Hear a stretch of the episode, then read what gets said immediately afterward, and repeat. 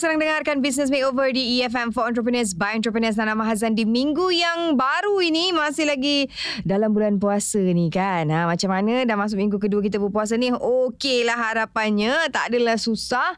Dan untuk minggu ini kita akan bercerita mengenai makanan tradisi raya. Ha, walaupun kita baru je memulakan puasa kan macam nak sebutkan tadi.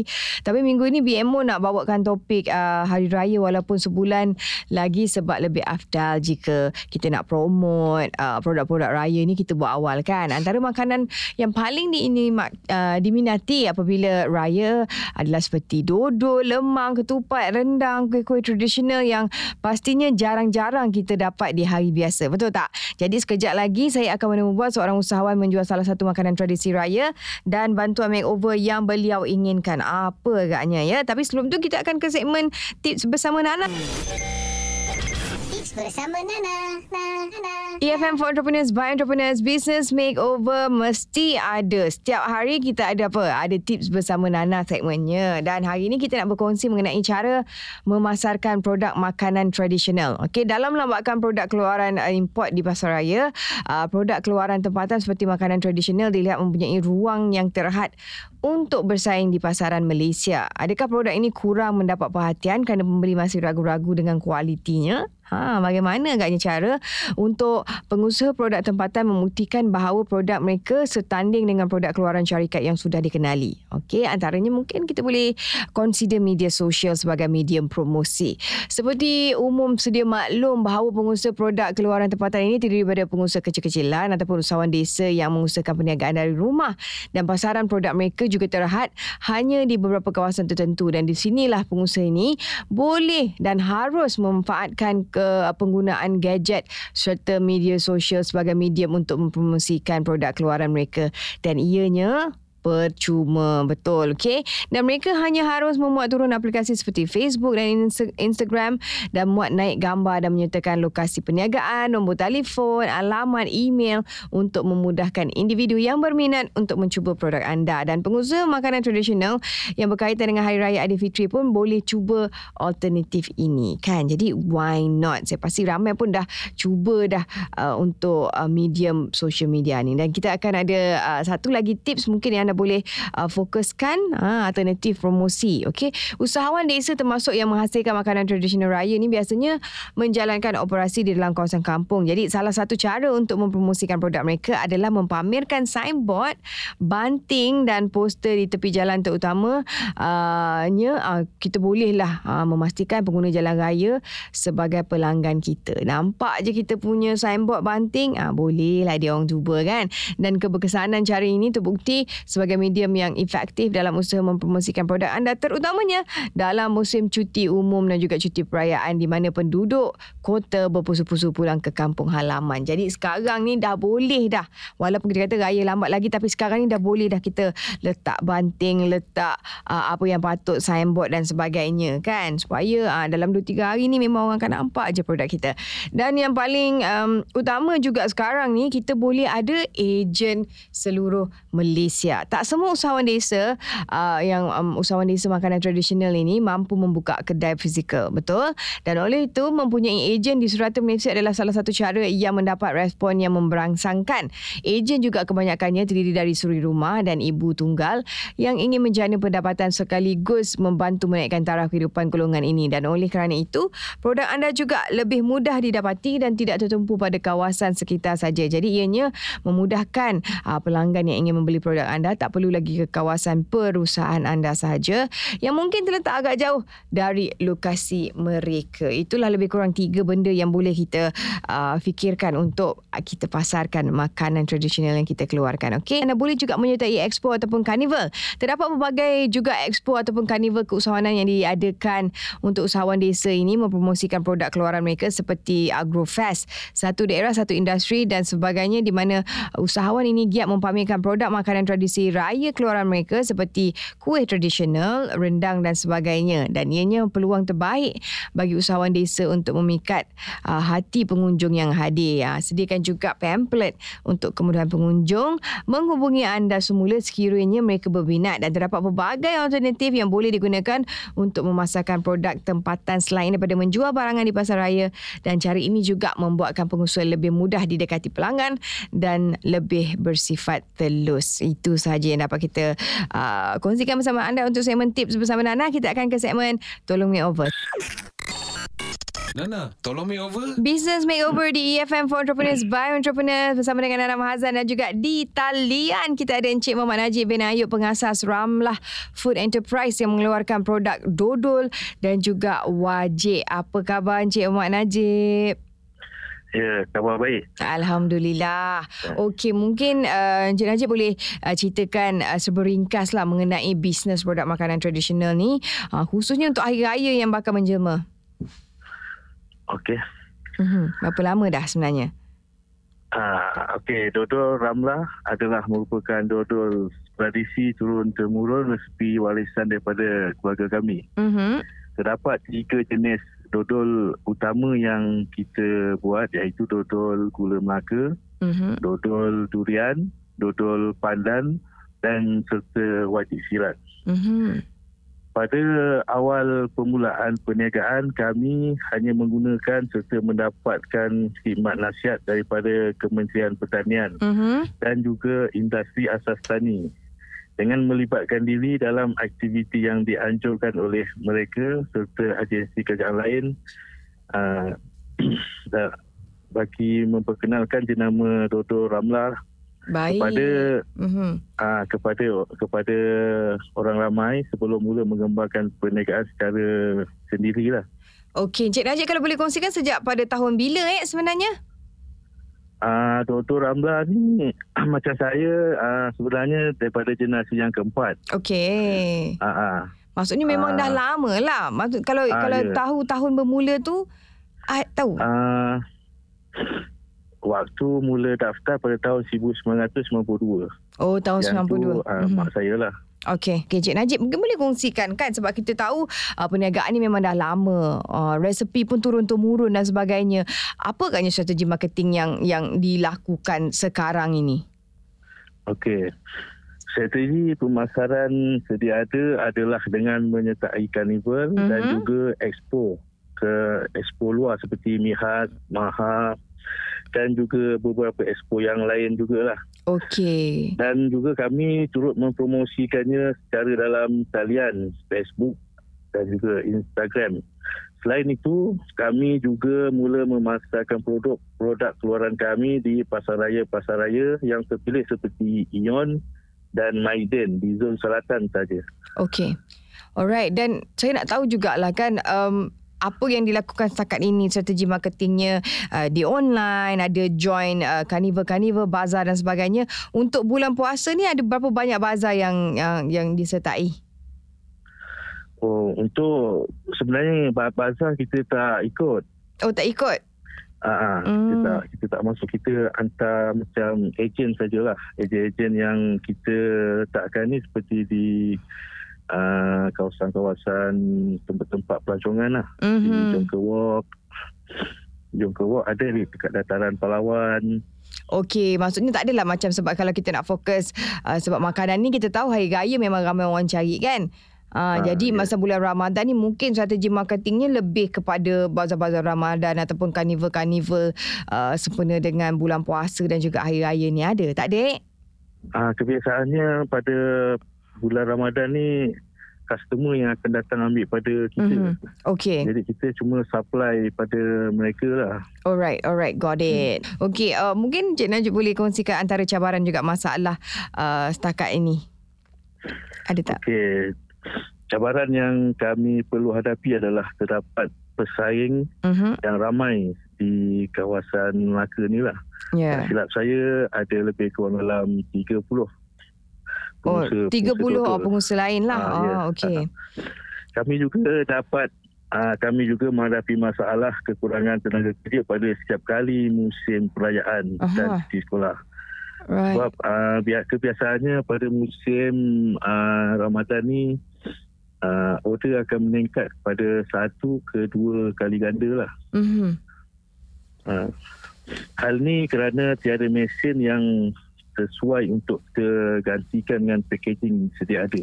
Okey, jadi tetap Ya. memerlukan oh apa ni staff lah untuknya tenaga Ya, kerja saya- manusia untuk membuat packaging tu. Ya, ya betul. Tak ada mesin lah maksudnya.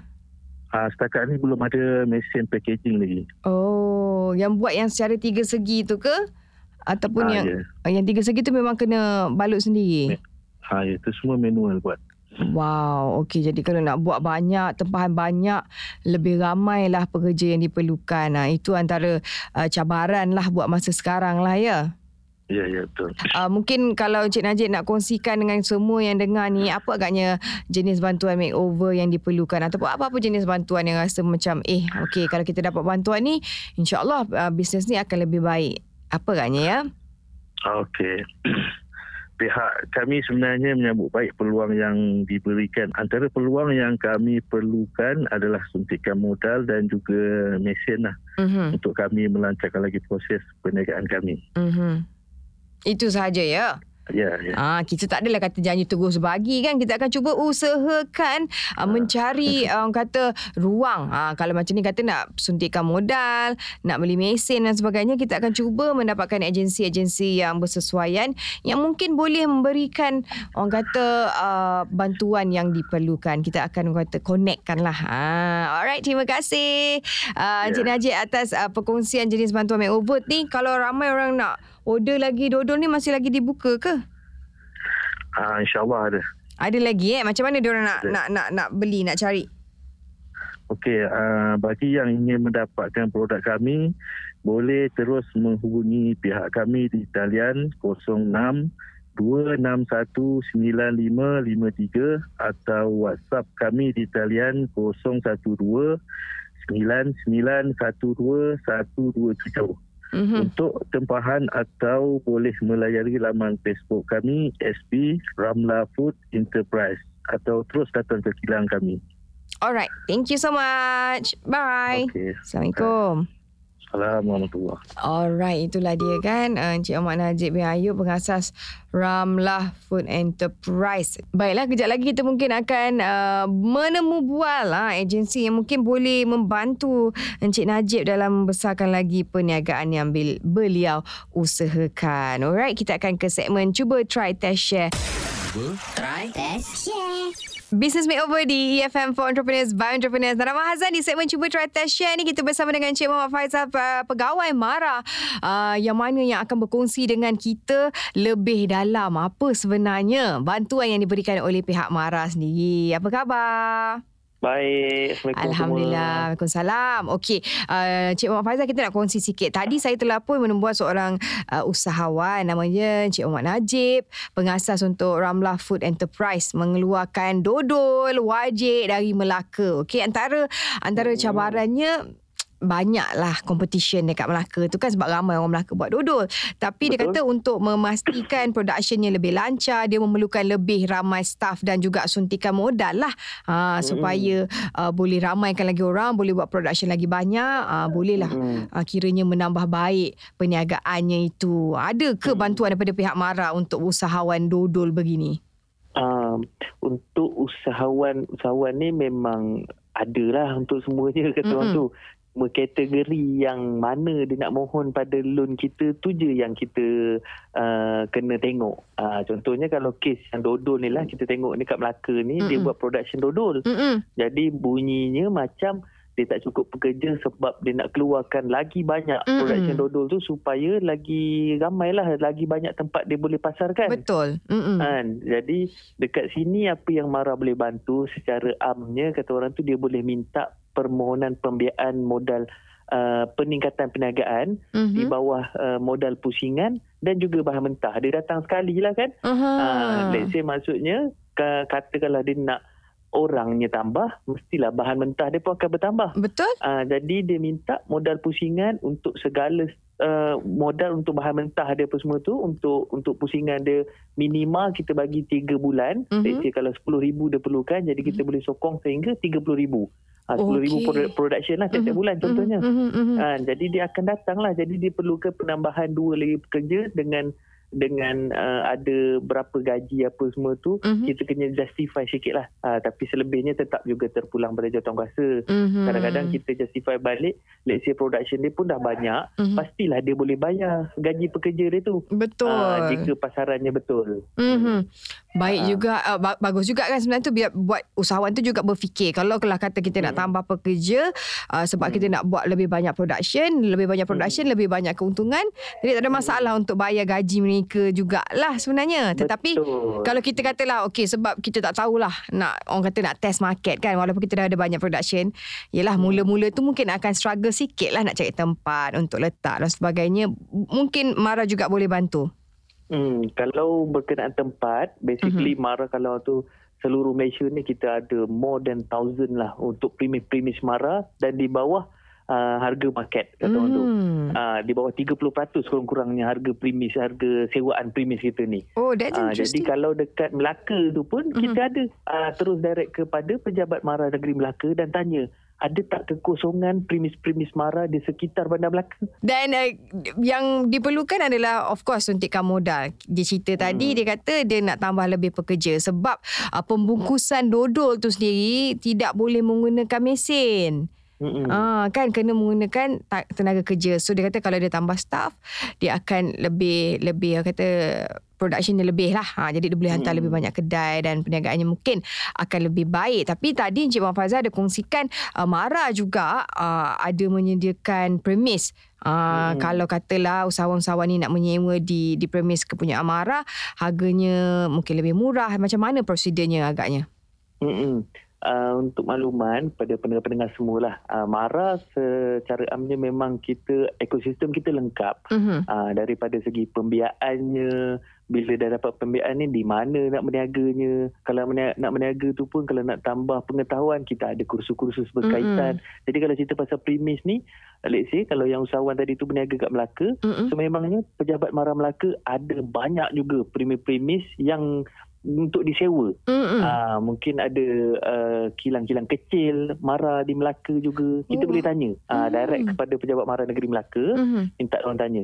Sebagai contoh kalau kawasan daerah saya sendiri yang saya cover sekarang ni Ceras Bandar Tuan Razak Putrajaya, kami Hmm. ada 24 biji premis.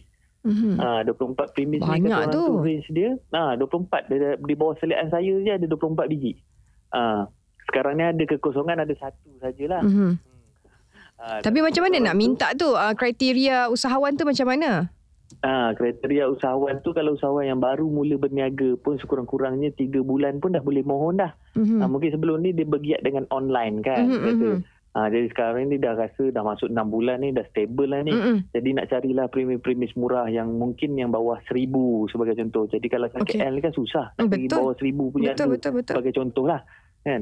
Jadi uh, kita tak adalah banyak. Uh, cuma kalau ikut kawasan saya ni ada 6 biji yang Mhm. premis yang di bawah harga 1000.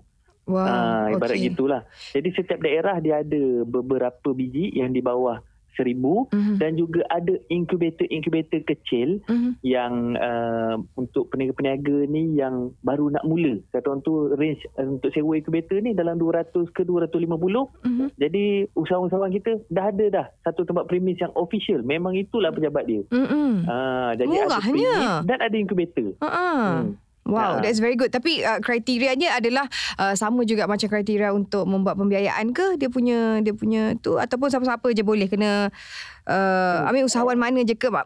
Or kena Ah, ada pinjaman dengan Mara ke dan sebagainya? Tak ada sesiapa je. Dia open saja. Oh, dia open saja. Okey. Open asalkan dah mula berniaga minimum pun 3 bulan ada profil syarikatnya bank statementnya lepas Mhm. tu datang je pejabat mara daerah masing-masing yang mana usahawan tu berada Mhm. Melaka Melaka lah kalau Mhm. kawasan daerah saya KL pergilah kat daerah masing-masing kan lembah Okey, pantai ke Seputih ke apa ke minta borang dia lepas tu lengkapkan segala borang dan profil syarikat company tu semua tu uh, gambar penyewanya siapa nak sewa kan dengan detail-detail dia Mhm. lepas tu buat submission pada kita buat Wow. dua kopi Oh, tak adalah Ah. susah sangat kata macam maksudnya tak, tak ketat susah. sangat ah kriteria Hmm. dia. Okay, that is very ah. interesting. Uh, very uh, apa tu good info juga untuk semua usahawan tahu. Ah. Jadi lepas ni Mm-mm. kalau nak cari tempat tu rasa macam alhai kat mana ni semua mesti mahal. Kalau kita tengok shop block shop block tu paling Mahal. kurang RM5,000. Ha, kalau yang kat atas tu Mm-mm. pun dah sampai RM3,000 setengah dan sebagainya kan kalau kat kawasan saya tu.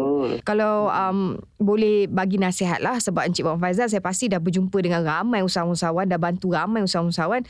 Mungkin ada tips ataupun nasihat macam mana sebenarnya kita nak bantu usahawan ni supaya tidaklah tengok persaingan ni macam a threat. Kadang-kadang stress kadang-kadang tak boleh nak move on. Kadang-kadang asyik tengok je ni kan uh, kompetitor kita ni buat apa. Sebab kita pun rasa macam tercabar je hari-hari. Ha.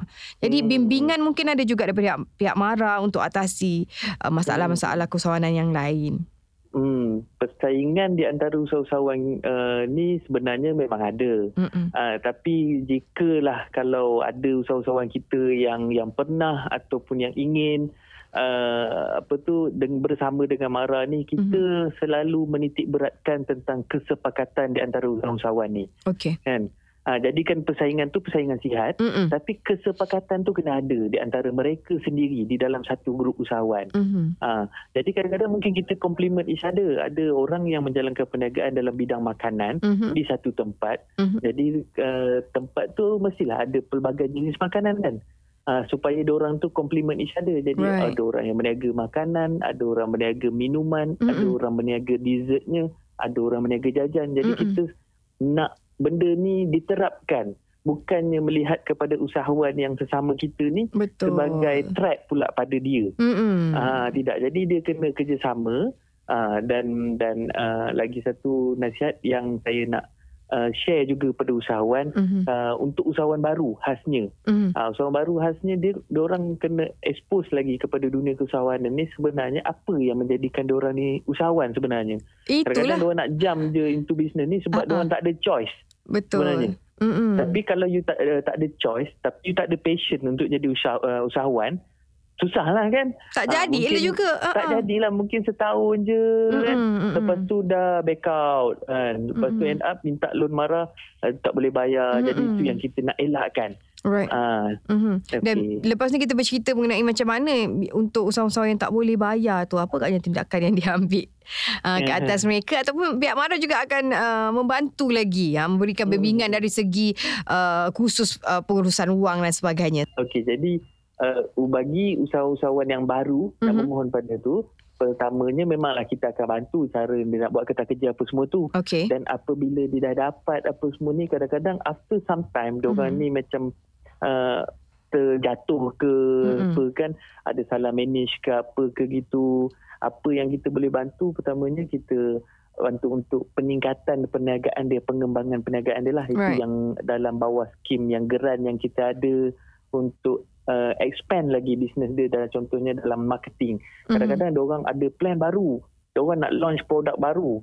Jadi dia orang tak cukup bajet untuk packaging apa semua tu. Jadi Mhm. untuk bantu dia orang tu Mara ada geran dekat situ untuk bantu dia lonjakkan semula bisnes dia yang sebelum ni mungkin dah nak nak nak, nak kuyu-kuyu hujung kan jadi mungkin ada launching produk baru ni mungkin Aha. dia dapat naik balik Betul. jadi kita bantu kat situ Okey. Ah, jadi kalau let's say ada pula yang kes yang berlainan Aha. mungkin dia perlukan business coaching Mhm. kan jadi kita untuk bantu pro, uh, protect business dia balik tu kita bagi coaching yang baru pula Mhm. mungkin cara lama dah tak berkesan right. uh, mungkin dulu FB Ads is one of platform yang yang memang superb kan Mhm. tapi sekarang ni orang kena explore lagi benda-benda baru Google Ads-nya macam mana Instagram tu super banyak follower dia kena collaborate ke dengan Nana Mahazan ke Ai. apa ke kan Ah, betul. Ah, jadi kita tak tahulah dekat situ tu dia kena explore lagi.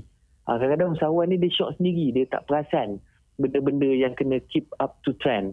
Hmm. Hmm, itulah sebenarnya antara jenis bantuan. Kadang-kadang dia fikir bantuan yang diperlukan duit je sebenarnya. Sebenarnya Duit bukan je. kan? Tidak, tidak. Kita ah. kalau marah bagi 2 juta pun, kalau tak tahu Hmm. nak manage macam mana, Hmm, Habis. ke lautan dalam juga perginya di situ Betul. kan. Macam mana agaknya kalau orang nak lebih info dengar-dengar tadi kan Cik Mak Fazal cerita eh best juga eh Mara ni boleh juga tolong perniagaan aku ni eh. Ah, kat mana info Mm-mm. yang lebih boleh mereka dapatkan?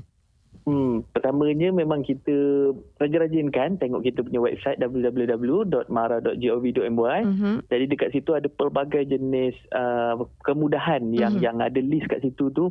Maksudnya komplit lah kita ni. Kalau Mara ni dia ada cerita pasal pendidikannya, uh, ke mana kolej-kolej nak habis belajarnya. Lepas Right. tu dengan usahawan ni apa saja bidang usahawan yang kemudahan yang kita ada. Mhm. Premis pun boleh tengok dekat dalam tu juga. Dan kemudahan apa yang ada ibu pejabat kadang-kadang sedikit berbeza dengan kemudahan kita daripada segi jumlahnya. Sebagai contoh kalau dekat ibu pejabat kita boleh mohon loan sampai 5 juta. Mhm. Tapi kalau kat daerah ni 1 juta sahaja. Faham. Kan? Mhm. Uh, jadi dekat situlah uh, online tu yang kita boleh tengok. Mhm. Ya kan? Uh, lepas tu selain daripada itu juga uh, boleh kalau mana yang jauh daripada daerah mungkin di tengah-tengah Melaka tu boleh terus ke pejabat Mara Negeri Melaka Mhm. kan uh, jadi kalau contoh kalau macam kita di KL ni mungkin ada orang duduk dekat uh, apa tu Sepang. Putrajaya Oh, jadi dia refer Mhm. je lah kepada pejabat Putrajaya. Mara Putrajaya ni Mm, saja mm, mm. tak perlulah sampai ke pejabat Mara Negeri Faham. Okey, yang paling pentingnya pergi je lah kat website tu semua ada list cawangan yang Ah, ada, ada jenis bantuan yang mana. ada, semua ada kat situ. Semua ada situ. Ah. Jadi boleh kat orang tu secara amnya, secara boleh-boleh baca tu. Dapat gambaran awal. Right, right. Kalau rasa Hmm. tak faham juga, pergilah ke pejabat Mara. Memang dia menyambut dengan tangan yang terbuka. Ya. Alright. betul-betul. Terima kasih Encik Wan Faizal atas perkongsian hari ini. Uh, semoga Betul. apa yang kita kongsikan hari ini dapat dimanfaatkan oleh semua usahawan yang sedang mendengar ya. Alhamdulillah. Thank you Okey. so much. Dah, dah habis ke?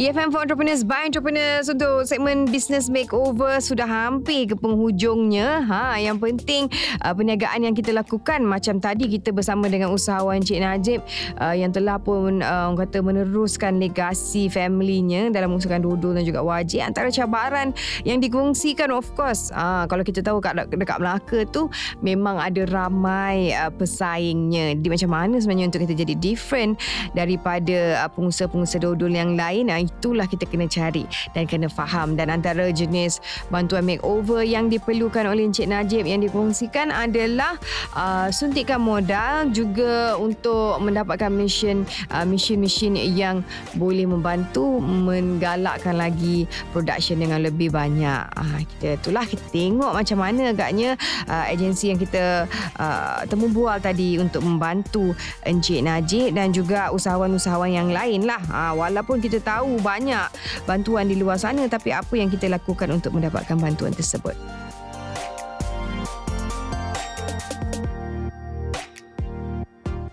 Itu dia antara yang menarik yang dapat kami sajikan untuk podcast kali ini. Pastikan anda terus scroll untuk dengarkan podcast-podcast yang lain. Tentunya menarik hanya di EFM for Entrepreneurs by Entrepreneurs.